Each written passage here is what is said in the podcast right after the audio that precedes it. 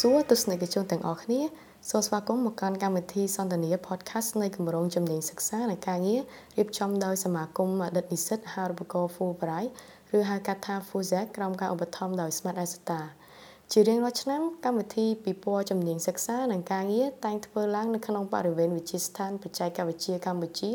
ឬសាលា Techno ផ្ទាល់ ក៏ប៉ុន្តែនៅក្នុងឆ្នាំនេះពួកយើងបានធ្វើកម្មវិធីនេះឡើងតាមប្រព័ន្ធ Digital ដើម្បីចូលរួមទប់ស្កាត់ការរីករាលដាលនៃជំងឺ Covid-19 អឺក្នុងថ្ងៃនេះផងដែរពួកយើងបានអញ្ជើញវាគ្មិនមួយរូបដើម្បីចូលរួមវិភាសានិងបកស្រាយលើមុខជំនាញមួយដែលហៅថា Finance and Banking ឬក៏ហិរញ្ញវត្ថុនិងធនាគារអញ្ចឹងកុំឲ្យខាតពេលវេលាយូរយើងមកជួបជាមួយគាត់ទាំងអស់គ្នាជំរាបសួរបងបាទជំរាបសួរចាអរគុណបងសម្រាប់ការចំណាយពេលវេលាក្នុងកិច្ចសន្ទនាយើងថ្ងៃនេះ ខ្ញុំមានសំណួរមួយចំនួនសួរទៅកាន់បង ជាដំបូងខ្ញុំសូមឲ្យបងជួយណែនាំខ្លួនបាទជាដំបូងខ្ញុំសូមអរគុណដល់ក្រុមការងារ Fusac ដែលបានអញ្ជើញខ្ញុំចូលរួមជាវិក្កាមិនមួយរូបក្នុងការចែករំលែកចំណេះដឹងនិងបទពិសោធន៍ដល់សិស្សានុសិស្សដែលនឹងគម្រោងបញ្ចប់ថ្នាក់បាក់ឌុបហើយនឹងហើយគាត់ក៏នឹងសម្រេចចិត្តថានឹងជ្រើសរើសមុខជំនាញអ្វីក្នុងពេលអនាគតអញ្ចឹងខ្ញុំបាទឈ្មោះដិតវណ្ណារ៉ូខ្ញុំបានបញ្ចប់ការសិក្សា ថ្នាក់បញ្ញាបត្រក្នុងជំនាញធនាគារនិងហិរញ្ញវត្ថុនៅសាកលវិទ្យាល័យសាមញ្ញដែលឥឡូវត្រូវបានបដូរឈ្មោះទៅជាសាកលវិទ្យាល័យ Paragon International ហើយចំណែកមុខជំនាញមួយទៀតគឺជាមុខជំនាញអក្សរសាស្ត្រចិនដែលខ្ញុំបានចប់នៅវិទ្យាស្ថានភាសាបរទេសដែលហៅកាត់ថា AFL ហើយសប្តាហ៍ថ្ងៃនេះខ្ញុំក៏កំពុងបន្តការសិក្សានៅមុខវិជ្ជា ACCA នៅវិទ្យាស្ថានខ្មែរផងដែរចំពោះអឺ ការងារនៅវិជ្ជាជីវៈដែលខ្ញុំបានធ្វើមកដល់ឥឡូវនេះគឺសប្តាហ៍ខ្ញុំក៏កំពុងធ្វើនៅស្ថាប័នធនាគារឯកជនមួយនៅក្នុងប្រទេសកម្ពុជាចាអរគុណបងអឺសូមបងជួយរៀបរាប់ដោយត្រួសត្រាសនៅកត្តាអ្វីខ្លះដែលជំរុញនិងលើកទឹកចិត្តឲ្យបងបន្តរៀនមុខជំនាញមួយនេះកត្តាដែលជំរុញនិងលើកទឹកចិត្តឲ្យខ្ញុំបន្តនៅមុខជំនាញមួយនេះគឺអឺតាមតាមពិតទៅតាមពីដើមឡើយមុននឹងខ្ញុំអឺចាប់ថ្នាក់បាក់ឌុបហ្នឹងអឺ ខ្ញុំតាមពិតទៅខ្ញុំស្រឡាញ់មុខជំនាញពេទ្យទេប៉ុន្តែដោយសារកតាគ្រួសារដែលគាត់ចង់ឲ្យខ្ញុំឆាប់បានការងារធ្វើរៀនឆាប់ចប់អញ្ចឹងក៏ខ្ញុំមើលទៅលើមុខជំនាញផ្សេងផ្សេងដែលគិតថាមើលទៅមានសារក្រៅពលក្រៅពីជំនាញពេទ្យខ្ញុំហើយខ្ញុំក៏មើលឃើញមុខជំនាញមួយនេះគឺគេហៅថាមុខជំនាញធនាគារនរថុដោយសារខ្ញុំគិតថាមុខជំនាញនេះគឺមានសក្តានុពលទៅថ្ងៃមុខហើយ ការងារចំពោះការងារទៅថ្ងៃអនាគតវិញក៏យើងអាចសួររកសួរអីចឹងណាអញ្ចឹងក៏ខ្ញុំកត្តាមួយនេះដែលជំរុញឲ្យខ្ញុំបន្តនៅមួយជំនាញមួយនេះហើយមួយទៀតមួយចំណុចទៀតដែលអ្វីដែលសំខាន់បំផុតគឺខ្ញុំចូលចិត្តផ្នែកហិរញ្ញវត្ថុអឺចឹងបងតើមុខជំនាញហិរញ្ញវត្ថុក្នុងធនាគារនេះជាអ្វីនិងមានលក្ខណៈដូចម្ដេចបាននិយាយពីអឺលក្ខណៈរបស់មុខជំនាញមួយនេះខ្ញុំគិតថាមុខជំនាញធនាគារហិរញ្ញវត្ថុគឺ វាមានច្រើនក្នុងក្នុងមុខវិជ្ជាវាហ្នឹងគឺមានដូចជា accounting វាមានដូចជា accounting សេដ្ឋកិច្ចនិងចំណេះដឹងទូទៅជាច្រើនហើយមុខវិជ្ជាមួយនេះគឺគឺផ្ដោតទៅលើវិស័យរញ្ញធុវិស័យរញ្ញធុมันមិនសំដៅទៅលើតែធនាគារយើងមានវិស័យមូលបត្រវិស័យធានារ៉ាប់រងអីផ្សេងផ្សេងចាអញ្ចឹងចំពោះបងតើបងចូលចិត្តអ្វីជាងគេលើមុខជំនាញរបស់បងបាទ ចំពោះមុខជំនាញដែលខ្ញុំពេញចូលចិត្តជាងគេគឺនៅពេលដែលខ្ញុំរៀនហ្នឹងគឺក្នុងឆ្នាំទី3តាមបើតាមខ្ញុំចាំមានដូចគឺមានមុខវិជ្ជាមួយដែលហៅថាពុនដាពុនដារបស់ប្រទេសកម្ពុជាមុខវិជ្ជាហ្នឹងគឺខ្ញុំខ្ញុំចូលចិត្តដោយសារទី1ពុនដាគឺអ្វីដែលមនុស្សគ្រប់គ្នាតែងតែងតែចង់ដឹងចង់ឮហើយខ្ញុំក៏ប្រឹងប្រែងទៅលើមុខវិជ្ជានេះជាងគេបន្ទាប់មកគឺ ជំនាញច្បាប់ពាណិជ្ជកម្ម business law ក្នុងក៏ក្នុងមុខជាក្នុងមុខជំនាញធនាគាររ៉ាញ់ទៅក៏មាន business law ក្នុងនោះដែរអញ្ចឹងក៏ខ្ញុំគិតថាមុខជំនាញក៏ក៏មានការចាប់អារម្មណ៍ខ្លាំងដែរ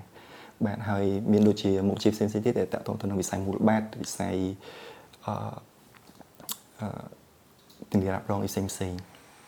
ក៏មានរួមបញ្ចូលក្នុងមុខជំនាញនេះមកផងដែរបាទ ចាអញ្ចឹងនៅក្នុងការសិក្សារបស់បងតើបងមានជួបឧបសគ្គអ្វីខ្លះដែរចំពោះឧបសគ្គនៅពេលដែលខ្ញុំអឺសិក្សាហ្នឹងទី1គឺ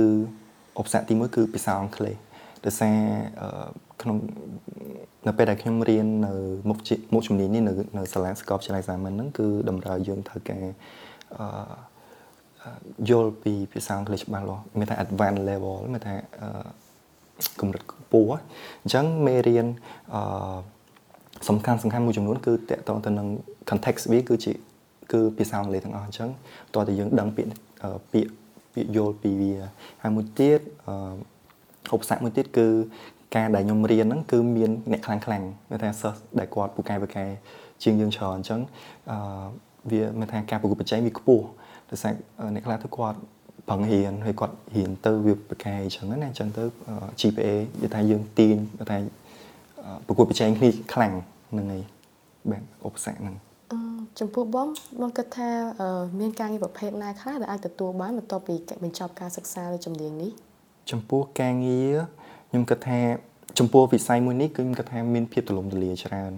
អឺបើយើងឧទាហរណ៍ថាបើយើងហ៊ានចប់ជំនាញធនាគាររ៉ាញ់ធុយើងយើងអាចទៅកា រងារដែលក្រៅពីធនាគារឧទាហរណ៍មានដូចដូចខ្ញុំបាននិយាយមិញអញ្ចឹងគឺថាយើងអាចទៅផ្នែកសវនកម្មយើងអាចទៅក្រុមហ៊ុនអីផ្សេងផ្សេងហើយយើងអាចទៅធ្វើនៅក្នុងវិស័យធានារ៉ាប់រងវិស័យមូលបត្រអីផ្សេងផ្សេងអញ្ចឹងវាមានភាពទូលំទូលាយហើយអឺការងារដែល សម្បូរជាងគេឥឡូវហ្នឹងគឺធនាគារដោយសារយើងដឹងហើយធនាគារស្រុកធនាគារនៅក្នុងប្រទេសកម្ពុជាយើងមានច្រើនធនាគារក្នុងស្រុកធនាគារមកពីប្រទេសក្រៅអញ្ចឹងតម្រូវការក៏ក៏ក៏ខ្ពស់ដែរអញ្ចឹងឲ្យតែយើងពេលដែលយើងរៀនហ្នឹងយើងយើងមានភាពច្បាស់លាស់យើងយកចិត្តទុកដាក់ខ្ញុំគិតថាយើងនឹងអាចរកការរកការងារមួយដែលដែលគិតថាវាសមប្រកបទៅថ្ងៃអនាគតបាទ ចាបងអញ្ចឹងចំពោះបងមកគិតថាតើយើងត្រូវរៀបចំអ្វីខ្លះជាមុននឹងមុននឹងការចូលរៀននឹងជំនាញនេះសម្រាប់ខ្ញុំខ្ញុំខ្ញុំគិតថាយើងគួរតែអឺមុននឹងយើងសម្រាប់ចិត្តហើមុខជំនាញនេះយើងសួរខ្លួនឯងសិនថាយើងស្រឡាញ់វាអត់ទី1ទី2អឺបើសិនបើយើងជ្រើសមុខជំនាញនេះតើយើងជ្រើសមុខជំនាញនេះទៅរៀននៅសាកលវិទ្យាល័យណាឧទាហរណ៍ថាបើយើងជ្រើសមុខជំនាញនេះទៅរៀនសាកលវិទ្យាល័យសាមញ្ញដែលឧទាហរណ៍ ជាក់ស្ដែងរូបខាងផ្ទាល់អញ្ចឹងយើងត្រូវដឹងថាគេរៀនហ្នឹងគឺជាភាសាអីគេភាសាភាសាអង់គ្លេសឬក៏ជាភាសាខ្មែរបើសិនជាភាសាអង់គ្លេសយើងត្រូវពង្រឹងភាសាអង់គ្លេសយើងសិនមុននឹងយើងសម្រាប់ចិត្តចូលក្នុងសាកលវិទ្យាល័យហ្នឹងមួយទៀតបើសិនបើយើងខ្សោយភាសាអង់គ្លេសហើយយើងដឹងហើយតទៅពេលយើងចូលយើងរៀនជាភាសាអង់គ្លេសអញ្ចឹងវានឹងមានឧបសគ្គដែលដូចដែលខ្ញុំបានជួបផ្ទាល់អញ្ចឹងទីមួយយើងត្រូវបរិងភាសាសិនហើយទី2 យើងសួរខ្លួនឯងថាយើងចូលចិត្តលេខឬក៏ចូលចិត្តមុខជំនាញនេះអត់យើងទៅអឺតើយើងដឹងខ្លួនឯងសិនយើងទៅពេលដែលយើងដឹងខ្លួនឯងច្បាស់លាស់ហើយពេលដែលយើងរៀននឹងមានឧបសគ្គយើងអាចប្រឈមមុខវាបានយើងអាចដោះស្រាយវាបានចាបងអញ្ចឹងក្រៅពីការសិក្សានៅក្នុងសាលាតើមានមធ្យោបាយអ្វីខ្លះដែលយើងអាចទាញយកចំណេះដឹងកាន់តែច្បាស់ពីវិស័យមួយនេះនិងតម្រូវការរបស់វាក្រៅពីក្នុងការសិក្សានៅក្នុងសាលាអឺ យើងអាចទាញចំណេះដឹងកាន់តែច្បាស់ពីវិស័យនេះគឺមានជាច្រើនវិធីមានដូចជាទី1យើងបើបើសិនបើជាបើសិនយើងមានឱកាសណាយើងមានឱកាសឧទាហរណ៍យើងរៀនចូលដល់ឆ្នាំទី3យើងចូលដល់ឆ្នាំទី3យើងយើងអាចធ្វើ internship នៅក្នុងធនាគារឬក៏ក្រុមហ៊ុនណាមួយដើម្បីឲ្យវា អ្វីដែលយើងបានរៀនហ្នឹងគឺវាតាក់ទងគ្នាអញ្ចឹងណាហើយអញ្ចឹងនៅពេលដែលយើងរៀនផ្សេងយើងរៀនយើងដឹងទ្រឹស្ដីឯណាទៅដល់ពេលដែលយើងចូលទៅធ្វើ internship នៅកន្លែងណាមួយទៅធនាគារណាមួយទៅយើងនឹងឃើញពីដំណើរការប្រតិបត្តិការរបស់ធនាគារនឹងគេធ្វើអីខ្លះគេមានអីខ្លះឧទាហរណ៍ខ្ញុំឧទាហរណ៍ណាអញ្ចឹងឧទាហរណ៍ថាយើងរៀនពី bank ពី bank អញ្ចឹងទៅដល់ពេលដែលយើងចូលធ្វើការធនាគារយើងឃើញអូ bank គេធ្វើម៉េចមានដាក់លុយដកលុយ មានផ្នែកអីផ្សេងផ្សេងច្រើនមានផ្នែកជាផ្នែកអនុទានផ្នែកអីអញ្ចឹងយើងដឹងហើយថាអឺគេធ្វើមិនធ្វើមិនអញ្ចឹងអឺហ្នឹងគឺអឺសាលាវាមួយសាលាយើងដឹងពីទ្រឹស្ដីប៉ុន្តែនៅពេលដែលយើងចង់ដឹងពីការងារជាក់ស្ដែងយើងយើងអាចទៅធ្វើ internship បានបើយើងមានឱកាសហើយមួយទៀតយើងអាច research យើងអាចធ្វើការ research នៅក្នុងអ៊ីនធឺណិតព្រោះយើងដឹងស្រាប់អ៊ីនធឺណិតយើងឡើងទូលំទូលាយណាស់ មានការចែកម្លែកពីក្នុងបណ្ដាញសង្គមមានថាបណ្ដាញសង្គម Facebook Google អីចឹងណាអញ្ចឹងយើងអាចហ៊ានពីពីពី social media ហ្នឹងយើងត្រូវចេះទាញនឹងផលប្រយោជន៍ដែលនៅក្នុង platform social media platform មួយហ្នឹងយើងមានបើតាមខ្ញុំដឹងគឺមាន page ច្រើនណាស់ដែលគេបញ្យល់ពីចំណេះដឹងហិរញ្ញវត្ថុបើតាមខ្ញុំដឹងដូចមានដូចជា Cambo Finance អីហ្នឹងគឺល្អល្អណាស់អញ្ចឹងយល់ល្អយើងគួរតែ do research ឲ្យបានច្រើនអញ្ចឹងណាបាទចាបងអឺចឹងតើបងមានការណែនាំអាហារូបករណ៍ណាខ្លះមកកាន់សិស្សនិស្សិតបាទចំពោះដែលបងប្អូននឹងបញ្ចប់ថ្ងៃទី12នៅពេលខាងមុខហ្នឹងអញ្ចឹងគាត់អាចបងគិតថាគាត់អាចមើលសម្លឹងមើលអាហារូបករណ៍ដែលដែលបានផ្ដល់ឲ្យអ្នកដែលគាត់ចាប់បាក់ដប់ទៅបន្តបញ្ញត្តិបត្រនៅក្រៅប្រទេសមានដូចជាប្រទេសចិនប្រទេសប្រ ទេសអឺរ៉ុបអីផ្សេងផ្សេងដូចប្រទេសជប៉ុនប្រទេសអីចឹងដូចបងមានមិត្តភ័ក្តិជាច្រើនគាត់នៅពេលគាត់ចាប់បាក់ដប់គាត់បានអាហារូបករណ៍បន្តថ្នាក់បញ្ញត្តិបត្រទៅប្រទេសចិននិងប្រទេសអឺរ៉ុបអីផ្សេងផ្សេងអញ្ចឹងណាអញ្ចឹងបងបងជំរុញឲ្យពួកគាត់បើសិនជាគាត់ចង់តតបន្តអាហារូបករណ៍នៅស្រុកក្រៅនៅនៅបរទេសគាត់គួរតែអឺ do research ដូចគ្នាមានថា ថាយើងថាយើងត្រូវមើលថាតើមានអាហារូបករណ៍ណាដែលដែលដែល available នៅក្នុងក្រសួងណាមួយឬក៏កន្លែងណាមួយអញ្ចឹងណាអញ្ចឹងអឺវាក៏ជាឱកាសមួយដែលគាត់អាចទទួលបទពិសោធន៍អឺពីខាងក្រៅបានដែរបាទចាបងអឺចឹងតើបងមានដឹងទេថានៅក្នុងប្រទេសកម្ពុជាយើងមានសាកលវិទ្យាល័យណាខ្លះដែលមាន ផ្ដល់កម្មវិធីសិក្សាទៅលើមុខជំនាញហិរញ្ញវត្ថុនិងធនាគារចំពោះមុខជំនាញមួយនេះបងគិតថាអឺក្នុងនៅក្នុងសាកលវិទ្យាល័យនៅក្នុងប្រទេសកម្ពុជាយើងគឺមានសាកលវិទ្យាល័យជាច្រើនដែលគាត់មានមុខជំនាញមួយនេះអញ្ចឹងយើងអាចសួរមិត្តភ័ក្តិសួរបងប្អូនថាតើសាកលវិទ្យាល័យណាមួយដែលគិតថាល្អដែល មានផ្ដល់មុខនៅមុខជំនាញមួយនេះបើតាមយោបល់បងបងស្គាល់ដែលដែលបងបានធ្លាប់ដឹងធ្លាប់ស្គាល់ហ្នឹងមានដូចជាមានច្រើនណាយើងទៅសឹងតគ្រប់សាកលវិទ្យាល័យមានដូចជាសាកលវិទ្យាល័យសាមញ្ញដែលឥឡូវដូរឈ្មោះទៅជា Paragon ហ្នឹង Paragon International University ហ្នឹងហើយមួយទៀត CAMED អឺ PPIU OUP អឺអីផ្សេងផ្សេងតែតើហើយនឹង ជាស្ថានសេដ្ឋកិច្ចហិរញ្ញវត្ថុហ្នឹងហើយសុទ្ធតែបានផ្ដល់នៅមុខជំនាញមួយនេះ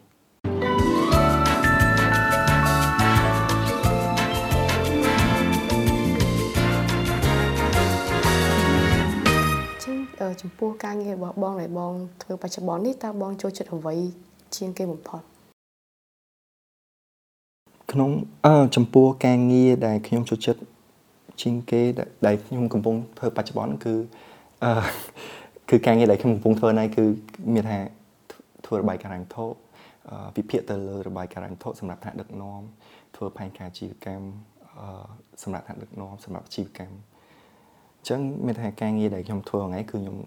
ចូលចិត្តមានថាខ្ញុំពេញចិត្តនឹងធ្វើហើយហ្នឹងហើយហើយការងារអឺមួយទៀតខ្ញុំក៏មានការបង្រៀន part time ជាភាសាជាជាភាសាចិនទៅដល់បុគ្គលិកធនាគារផងដែរ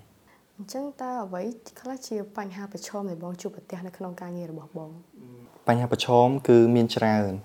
ការរៀនផ្សេងការយើងចូលធ្វើការផ្សេងយើងគឺខុសគ្នា ការរៀនយើងគ្រាន់តែទៅសាលាទៅយើងស្ដាប់គ្រូស្ដាប់អីអញ្ចឹងទៅណាតែបើការបើយើងធ្វើការងារគឺឧបសគ្គច្រើនទី1បរិយាកាសជុំវិញខ្លួនយើង មនុស្សដែលយើងធ្វើការជាមួយធ្វើការហើយនឹងស្ថាប័នអញ្ចឹងបញ្ហាប្រឈមជាងគេហ្នឹងគឺទី1អឺការងាររបស់យើងមានថាពេលខ្លះការងាររបស់យើងច្រើនពេកអញ្ចឹងណាអញ្ចឹងយើងយើងយើងធ្វើអត់តាន់យើងធ្វើអីអញ្ចឹងទៅប៉ុន្តែអឺវាវាអត់ជាសើជាបញ្ហាហ្មងទេដោយសារបងមានក្រុមការងារមួយដែលគាត់ចេះជួយគ្នាគាត់ work ជា team ណាអញ្ចឹងគាត់ អញ្ចឹងយើងតែយើងមានបញ្ហាច្រើនពេកអឺយើងមានការងារច្រើនពេកយើងអាច delegate តតគ្នាអញ្ចឹងណាហើយចំពោះអឺមួយផ្សេងអឺបញ្ហាផ្សេងទៀតគឺតកតងនឹងការទំនាក់ទំនងជាមួយនឹងមនុស្សមានថាទៅពេលយើងចូលធ្វើការយើងនឹងជួបមនុស្សជាច្រើននៅខ្លះទៅគាត់ចូលចិត្តយើងនៅទៅគាត់ចូលចិត្តយើង អញ្ចឹងណាអញ្ចឹងតើតើយើងហ៊ានអើតើតើយើងចេះនឹងបន្សាំខ្លួនទៅក្នុងបរិយាកាសការងារហ្នឹងអញ្ចឹងទៅទៅធ្វើឲ្យយើងរីកចម្រើនទៅថ្ងៃមុខបើសិនបើជាបើសិនបើសិនជាគេចូលចិត្តយើងគេលើកសរសើរយើងយើងអរគុណគេប៉ុន្តែបើសិនជាគេរិះគន់យើងយើងត្រូវទទួលយកនឹងការរិះគន់របស់គេហើយស្ថាបនាខ្លួនឯងតែបើសិនជាគេនិយាយអីអត់ប្រយោជន៍ឬក៏មិនពាក់ព័ន្ធនឹងយើងយើងកុំទៅខ្វល់អញ្ចឹងណា អញ្ចឹងការងារផ្សេងការសិក្សាផ្សេងអញ្ចឹងយើងត្រូវតែដឹងយើងត្រូវទៅយល់ហើយនឹងត្រូវជំនះវាឲ្យបានបានតើបងគិតថាតើមានតើបរិបទការងារនឹងតម្រូវការប្រភេទណាខ្លះដែលសិស្សនិស្សិតគួរត្រៀមសម្រាប់មុខវិជ្ជានេះ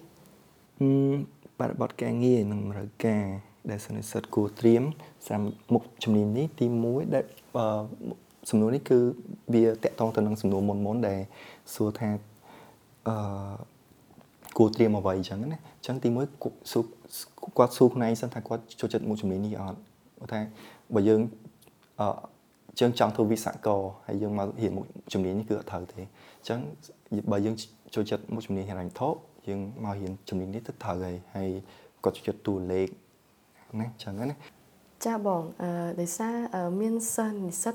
ដែលគាត់ភាគច្រើននៅ មិនទាន់បានបែងចែកថាតើជំនាញហិរញ្ញវត្ថុក្នុងធនាគារនិងជំនាញគណនេយ្យមានភាពដូចគ្នានិងខុសគ្នាយ៉ាងដូចម្តេចអឺចំពោះមុខជំនាញទាំងពីរមុខជំនាញរវាងមុខជំនាញធនាគារនិងហិរញ្ញវត្ថុនិងមុខជំនាញគណនេយ្យបើយើងនិយាយពីលក្ខណៈដូចគ្នាគឺទី1គឺគេថាមុខជំនាញពីរហ្នឹងគឺផ្ដោតទៅលើតួលេខហើយក្នុងឆ្នាំទី1ឆ្នាំទី2 subject នៅក្នុងមុខជំនាញទាំងពីរហ្នឹងគឺមានលក្ខណៈដូចគ្នាអញ្ចឹងឧទាហរណ៍ថាឆ្នាំទី1ខាង banking finance គាត់និយាយពី microeconomic និយាយពីសេដ្ឋកិច្ចនិយាយពី accounting អញ្ចឹងណាឆ្នាំទីហើយមួយជំនាញខាង accounting ក៏គាត់និយាយរឿងហ្នឹងដែរចុះឆ្នាំទី1ឆ្នាំទី2គឺមុខវិជ្ជាគឺដូចដូចគ្នាអញ្ចឹងប៉ុន្តែបើចូលដល់ឆ្នាំទី3ឆ្នាំទី4ចាប់ខាងខុសគ្នាវិញហើយដោយសារឆ្នាំទី3ទី4មុខមុខជំនាញខាងធនាគាររ៉ៃថូតហ្នឹងគឺគាត់ផ្ដោត ស៊ីជម្រៅទៅខាងមុខជំនាញធនាគាររ៉ៃថូតជាង ចំណែកឯមុខជំនាញគណៈគណៈណៃគឺផ្ដោតទៅលើផ្ដោតស៊ីជម្រៅទៅលើមុខជំនាញទៅលើគណៈណៃច្រើនជាងអញ្ចឹងឆ្នាំទី3ទី4គឺនឹងមានលក្ខណៈខុសគ្នា ហើយបើសិនបើយើងនិយាយពីការងារវិញបើការងារយើងអាចបែងចែកច្បាស់ខាងគណៈណៃគឺគាត់អឺទូនទីគាត់គឺមានថា គាត់កត់ត្រារាប់ប្រតិបត្តិការចេញចូលរាល់ថ្ងៃហ្នឹងគាត់អ្នកជាអ្នកកត់ត្រាបន្ទាប់មកគាត់ធ្វើជារបាយការណ៍ចំណែកឯអរញ្ញធុវិញគឺគាត់ជាអ្នកយករបាយការណ៍ហ្នឹងមក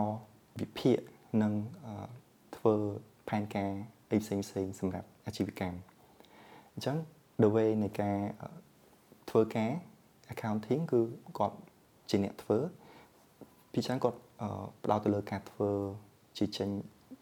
ចេញជាលេខចេញជារបាយការណ៍បន្ទាប់មកខាង finance គឺគាត់យករបាយការណ៍ហ្នឹងមកវិភាគមកធ្វើជា scenario អញ្ចឹងទៅបាទចាបងអឺចឹងតើបងមានជាការណែនាំឬក៏មតិយោបល់ល្អល្អអ្វីខ្លះសម្រាប់សិស្សនិស្សិតដែលមានចំណាប់អារម្មណ៍ខាងវិស័យនេះអមចំពោះគ្រូខ្ញុំផ្ទាល់ខ្ញុំគិតថាសិស្សនិស្សិតប្រសិនបើគាត់ ឧទាហរណ៍ណាគាត់ចាប់មុខជំនាញធនាគាររ៉ាញ់ធុហើយគាត់ចាប់បានចប់ផ្នែកបញ្ញាបត្រហើយអញ្ចឹងគាត់នឹងសួរខ្លួនឯងគាត់នឹងសួរខ្លួនឯងតើពេលដែលគាត់ចប់ផ្នែកបញ្ញាបត្រនៅក្នុងមុខជំនាញនេះហើយតើគាត់គួរតែចូលធ្វើការឬក៏គាត់បន្តការសិក្សាអា topic ហ្នឹងគឺដែលខ្ញុំ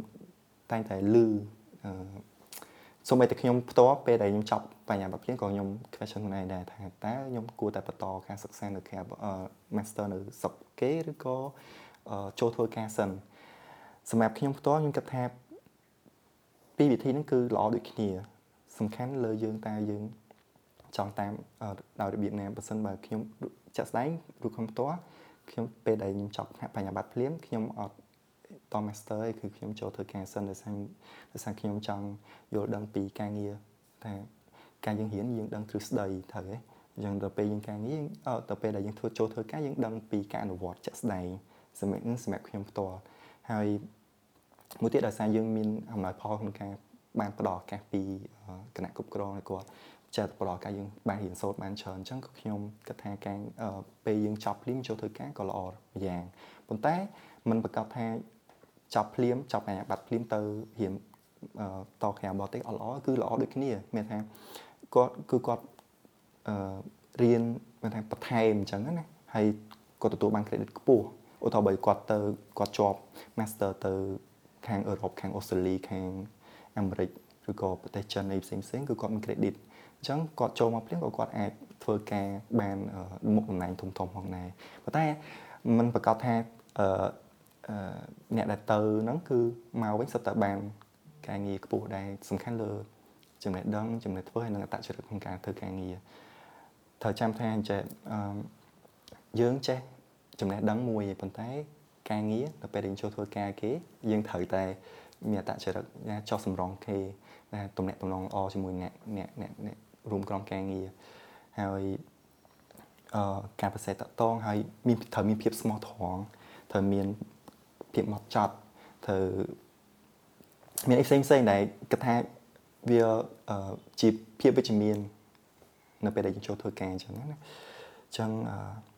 នឹងជាយោបល់របស់ខ្ញុំថាបើសិនបើគាត់ចង់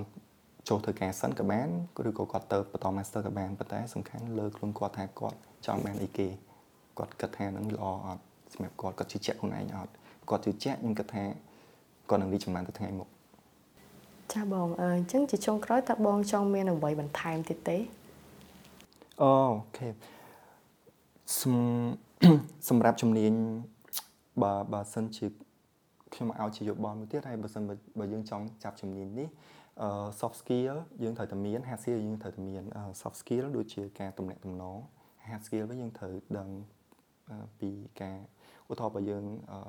ធ្វើខាង finance អញ្ចឹងយើងត្រូវចេះគេចេះកុំព្យូទ័រថាចេះ Excel ចេះអឺ Microsoft Office អញ្ចឹងណាជាមាន Word មានអីអញ្ចឹងយើងត្រូវពង្រឹងអាអាជំនាញកុំព្យូទ័រហើយភាសាមួយទៀតភាសាក៏សំខាន់ដែរភាសាអឺយើងអាចរៀនជាភាសាអង់គ្លេសភាសាខ្មែរនិងភាសាចិនយើងត្រូវមានយើងត្រូវចេះភាសាចិនបើយើងមានយើងមិនចេះក៏អត់អីដែរគ្រាន់តែយើងមានកាន់តែល្អអញ្ចឹងណាវាអំណោយផលព្រោះឯកសារ យើងដឹងស្រាប់ទេថាធនាគារក្នុងស្រុកយើងគឺមានធនាគារបរទេសជាច្រើនដែលគាត់ចូលមកអញ្ចឹងមានដូចជាធនាគារចិនធនាគារអីចឹងបើយើងចេះចិនចេះអីចឹងទៅយើងមានអតិភិបជាអ្នកដែលគាត់អត់អត់អត់ដឹងអត់ចេះអញ្ចឹងណាអញ្ចឹងភាសាហើយនឹងការ technical skill ដូចជាដូចខ្ញុំនិយាយមិញហ្នឹងគឺខាង computer computer អញ្ចឹងណា computer skill អញ្ចឹងហើយ ទាំងតាក់ទង soft skill ក៏ត្រូវមានដែរជំនាញទំនាក់ទំនង soft skill ហ្នឹងមានថានៅសាលាគេមានពីនៃ soft skill តោះតែយើងចេញពី talent ខ្លួនយើងយើងត្រូវចេះការទំនាក់ទំនងល្អជាមួយអ្នកដទៃណាអូខេអមមួយទៀតអឺមានខ្ញុំធ្លាប់តែលើសាធារណជនមួយចំនួនគាត់តែងតែសួរបងប្អូនមួយចំនួនគាត់តែងតែសួរបងគាត់សួរខ្ញុំថាបងតើ យើងគួរតែហ៊ានបដាធ្វើការបដាបើសម្រាប់ខ្ញុំគាត់ថាហ៊ានបដាធ្វើការបដាក៏ល្អហើយចាំហ៊ានចប់ហើយធ្វើការក៏ល្អដែរហេតុអីដែលសារឥឡូវខ្ញុំនិយាយពីហ៊ានបដាចាំធ្វើការចប់អឺហ៊ានហ៊ានចប់ចាំធ្វើការអញ្ចឹងខ្ញុំនិយាយពីមហេតុនឹងសិនទី1គឺយើងមានពេលវេលាគ្រប់គ្រាន់ក្នុងការរៀនសូត្រមានថាយើងឧទាហរណ៍ថាយើងយើងរៀនដល់ឆ្នាំទី2ហើយអញ្ចឹងយើង យើងយើងមានពេលគ្រប់គ្រាន់ក្នុងការ focus ទៅលើការសិក្សារបស់យើង យើងអត់អត់ចំណាយកម្លាំងអត់ចំណាយអីផ្សេងផ្សេងដើម្បីទៅធ្វើការអញ្ចឹងណាយើងអត់សើហត់ទេអញ្ចឹងយើងមានពេលគ្រប់គ្រាន់ក្នុងការរៀនសូត្រអឺ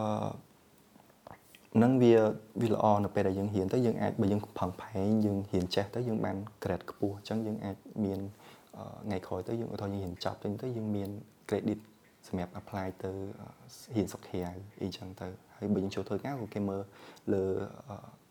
លើសមត្ថភាពដែលយើងមានដែរប៉ុន្តែបើយើងធ្វើការបដៅហ៊ានបដៅក៏ល្អដែរប៉ុន្តែគ្រាន់តែអឺយើងត្រូវដឹងថាយើងត្រូវសួរខ្លួនឯងថាពេលដែលយើងធ្វើការបដៅហ៊ានបដៅហ្នឹងយើងមានសម្ពាធអត់យើងគិតថាយើងធ្វើទៅរួចអត់បើសិនជាបងមកគាត់ថាធ្វើការបដារៀនបដាគឺល្អ ដោយសារអឺទី1យើងរៀននៅសាលាយើងរៀនទ្រឹស្ដីអីណាតទៅពេលយើងចូលធ្វើការយើងដឹងពីការអនុវត្តជាក់ស្ដែងអញ្ចឹងអឺនៅពេលដែលយើងរៀនទៅយើងឆាប់យល់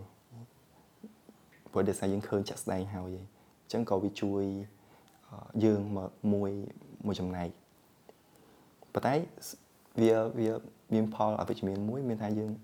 យើងមានសម្ពាធមានថាយើង ត្រូវផឹងផែងតិចថាយើងហ៊ានធ្វើការផងរៀនផងអញ្ចឹងវាពេលខ្លះវាអត់អំណោយផលរឿងហ្នឹងចាបងអញ្ចឹងដោយសារពេលវេលាយើងមានកំណត់ខ្ញុំសូមអរគុណដល់បងណារ៉ូដែលបានចំណាយពេលវេលាចូលរួមក្នុងការផ្ដល់បទសម្ភាសន៍តាក់ទងនឹងមុខជំនាញហិរញ្ញវត្ថុនិងធនាគារនិងអាជីពការងារនេះហើយក៏សូមអរគុណដល់ទស្សនិកជនដែលបានចូលរួមស្ដាប់បទសម្ភាសន៍នេះផងដែរពួកយើងក៏សង្ឃឹមថាខ្លឹមសារដែលគាត់បានបកស្រាយនេះជាជំនួយដល់ការសម្រេចចិត្តក្នុងការជ្រើសរើសមុខជំនាញសិក្សាឲ្យបានសមស្រប ជាថ្មីម្ដងទៀតសូមសូមអរគុណបងសម្រាប់ការចូលរួមនិងសូមជម្រាបលាទស្សនិកជនទាំងអស់គ្នា